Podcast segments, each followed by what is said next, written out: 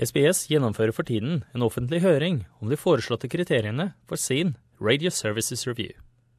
Fra og med mandag 14.11. og frem til 11.12. vil lytterne, samfunnsgrupper og interessenter ha muligheten til å komme med innspill om SBS sitt lyd- og språklige innhold. SBS har forpliktet seg til å gjennomgå og oppdatere sin radiosendeplan hvert femte år. Innholdssjef Mark Cummins sier programsammensetningen må oppdateres for å sikre at SBS gjenspeiler behovene til kulturelt og språklig mangfoldige samfunnsgrupper over hele landet. Cummins sier gjennomgangen vil omfatte kriterier som er ment å bidra til å gi retningslinjer til språkprogrammeringen. These criteria are going to be used with the 2016 census data that will be released next year to determine which languages are provided by SBS radio services. So, the way that those services will be delivered will be determined on the results of the census that we'll get, and then we'll take into account uh, the changes in audience listening habits, but we'll also, of course, take into account the feedback that we get from this public consultation. We'll look through all of that and understand what the community is saying about what they want from SBS. Cummins sier han forventer en bred samling av tilbakemeldinger. After having run the process in 2012, we're pretty confident that communities and organizations in particular will understand what this process is about and how important it is to feed into it. Because it really is a really important time for communities to let us understand what they need and what they want.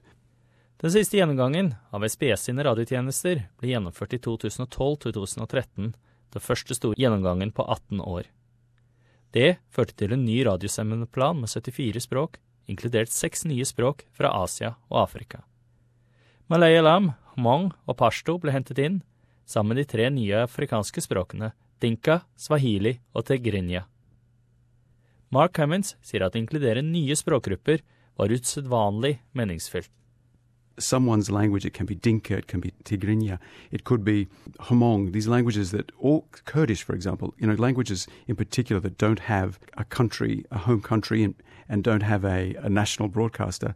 The symbol va- value of us being able to do news and information about life in Australia, but also news and information about what's going on in the world, is a huge thing for communities to understand that my language counts. I have a place. I have a place at the table of democracy.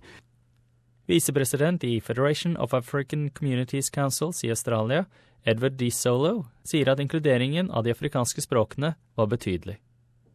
Han sier at det bidrar til å sikre inkludering, deltakelse og sosial utjevning. Solo sier språket tillater nye samfunnsgrupper å ta ansvar.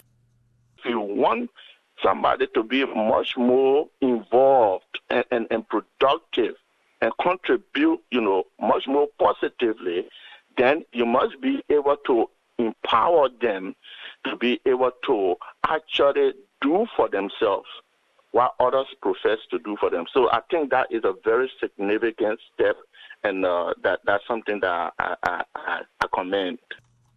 Lederen for Center for Multicultural Youth, Carmel Guerra, sier endringene fra 2012-2013 var et viktig skritt. Because SBS is often the gateway for many of the new communities to engage with Australian society.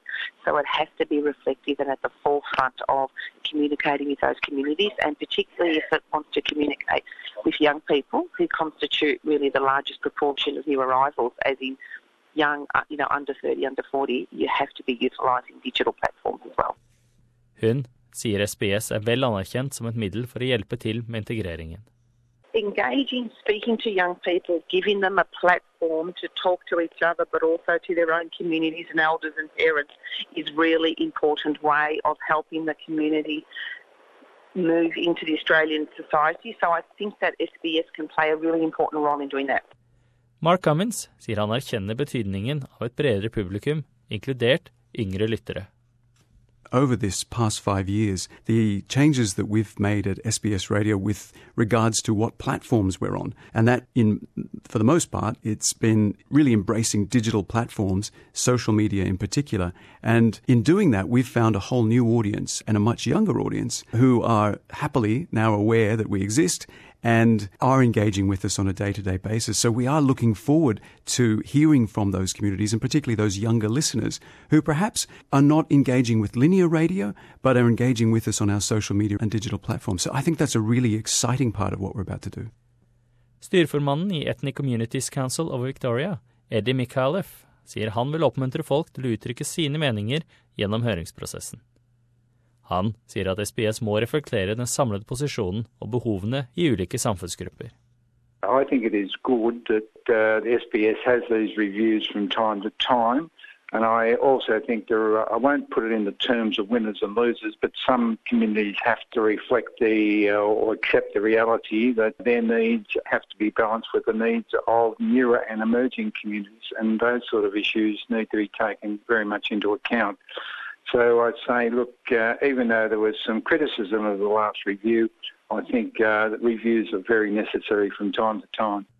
Edward D. Solo sier han også tror det afrikanske samfunnet vil være interessert i å være involvert i høringen. This is a very interesting and important subject to us as we consider designing programs that will help our people to settle integrate better in the society and make meaningful contribution. We look forward to having a good number of African involvement and uh, participation, being able to contribute to the best outcome for the consultation. SBS vil kringkaste både engelske og oversatte meldinger for å informere publikum om sin Radio Services Review og den offentlige høringen. Utvalgskriteriene skal etter planen bli ferdigstilt i mars 2017, og den nye planen vil bli lansert innen utgangen av 2017. De foreslåtte utvalgskriteriene ble offentliggjort mandag 14.11, og tilbakemelding kan gis via sbs.com.au consultation.